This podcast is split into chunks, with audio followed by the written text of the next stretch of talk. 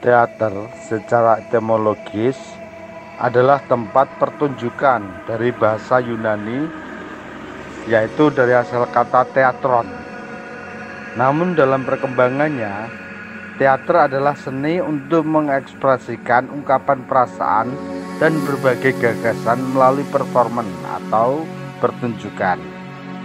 Nah, teater juga dimaknai sebagai seni mempelajari kehidupan karena teater merupakan sintetis art atau seni campuran. Nah, di dalam teater itu ada seni gerak atau seni tari, ada seni suara yaitu vokal dan musik, ada seni sastra yaitu naskahnya, ada seni rupa yaitu pada penataan artistiknya. Selain itu, teater juga menuntut keterampilan dalam memahami perilaku kehidupan oleh karena itu, untuk mampu mengekspresikan peran atau acting dibutuhkan observasi atau pengamatan. Nah, sehingga setiap aktor itu dalam memahami perannya atau mendalami perannya akan dimainkan, ia perlu melakukan pengamatan. Nah, adapun seni teater yang saya geluti saat ini adalah seni teater modern. Meskipun Terkadang saya membuat sebuah pertunjukan yang berbasis tradisional, misalnya sandur. Akan tetapi, secara teknik dan visual dramatiknya tetap menggunakan kaidah-kaidah teater modern. Nah, kaidah teater modern itu apa?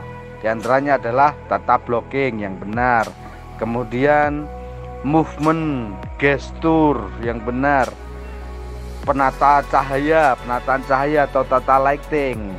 Nah, itu. Jadi teater modern itu memang tidak selalu dalam bentuk panggung presinium atau tidak selalu hanya dalam satu arah.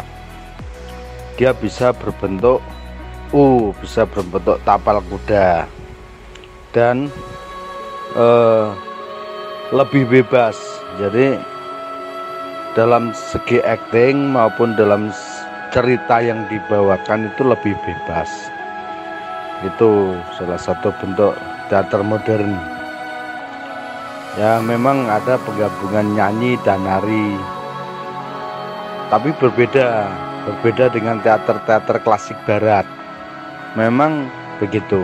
Teater modern Indonesia khususnya itu bersumber dari barat. Jadi kayak drama kayak teater sendiri. Itu memang lebih mengacu kepada bentuk-bentuk teater barat. Ya, beberapa teater modern Indonesia yang sempat eksis nah, di antaranya adalah yang saat ini masih eksis juga yaitu teater koma. Kemudian ada teater payung hitam yang lebih kontemporer. Nyajiannya kontemporer dari dia sekarang malah bergelut dengan bentuk teater tubuh.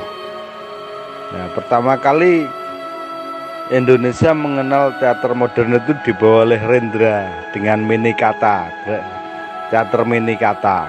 Jadi teater bengkel teater Rendra dulu mulai memperkenalkan bentuk-bentuk teater modern di Indonesia itu sekitar tahun 60 70 60-an 70-an itu sudah mulai. Sampai berkembang terus hingga tahun 80-an muncul namanya teater populer yang dipimpin oleh Teguh Karya. Kemudian ada teater kecil yang dipimpin oleh Arifin Senur.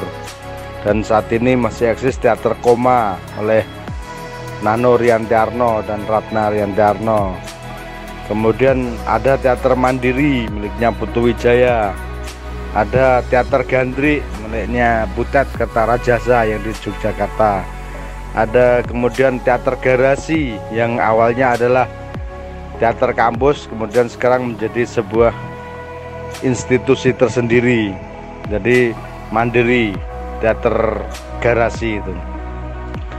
Uh, kemudian ada juga teater awu